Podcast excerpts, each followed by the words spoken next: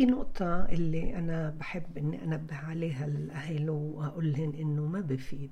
يعني لما أم بتدفر وبتقول لي إنه مش قادرة أتحمل صرت أضربه وصرت أصرخ عليه ومش نافع ومش ومش قادرة يرد علي ومش عارفة كيف أخليه يصير يرد علي ولا يحترمني ولا بوافق شو أنا بحكي لأنه أنا عمالي أجرب وأجرب ومش ظابط.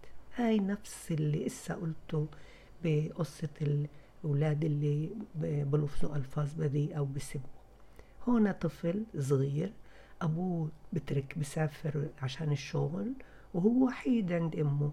وحيد يعني أمه بس أهم إشي تضلها مركزة عليه. فشو السلوك اللي حب إنه يكرره وحقق له رغبة؟ إنه يشلح أواعي يبقى عارف. والأم هون تتضايق. وبتصير تجرب إنها تلبسه وبتصير تجرب إنها تفسر له وبتصير بتجرب إنها تقول له عيب ومش حلو ومش لطيف ومش لازم وما فيش ما فيش ولا أي تجاوب ليش؟ ليش فيش تجاوب؟ مش لأنه بفهمش ولا لأنه هو حابب يكون عريان هو بده يلفت نظرك ماما بده إياك تنتبهي بده إياك تكوني مقهورة بده إياك تركزي على سلوكه حتى لو كان سلوكه غير مستحب. هيك بتصير عادي وبصير دايما بده يطلب يتعرف. الآن عندك أسلوب كتير حلو لجيل الطفل اللي قبل الست سنين خمس سنين. هذا طفل بعده عايش في الواقع والخيال الواسع. كتير بقدر إني أنا أعمل اللعبات تبعتي بالدراما. كشكش يا كشكش. انت شلحت أواعيك؟ ليه بتبكي؟ عشانك شلحت أواعيك؟ انت بتبكي؟ آه لا مش عشان شلحت أوعيك عشان أجت الناموسة وقرصتك لأنك أنت عاري. لا لا لا لا تبكي كشكش لا تبكي لازم تلبس عشان ما تجيش الناموسة الدبانة بزقت عليك بزقت عليك حبيبي يا كشكش. هذا أسلوب اللي كتير بلفت له نظره وكتير بحسسه إنه لازم إسا بسرعة يغير السلوك تبعه. لأنه هون خليت شخصية مؤثرة تساعد على إنه تفهموا إنه التعري مش راح يكون أولا آه، آه، آه، حقق له رغبة وبنفس الوقت ممكن يضايقه. هذا واحد من الطرق طريقة تانية بعد ما تحكي ومش تضلك واقفة وتستني ليركض ويروح يلبس.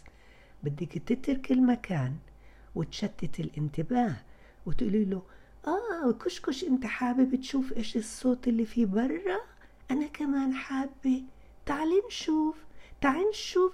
آه في كلب برا في كلب كلب قاعد بزيح الدبانة عنك. الكلب عم بساعدك ياي تعال نسمع نسمع العصفور بغرد. العصفور بغرد بده يبعد الناموس الهسسي عشان ما تضايقكاش كل ما نسمع نشوف نشم نلمس ندوق هاي مصطلحات بتشد الأطفال وبتخليهم يركضوا ورانا وبنفس الوقت ينسوا إنهن هن مركزين على سلوك غير مستحب. فبيجي يركض يقولك لبسيني ماما لبسيني ماما.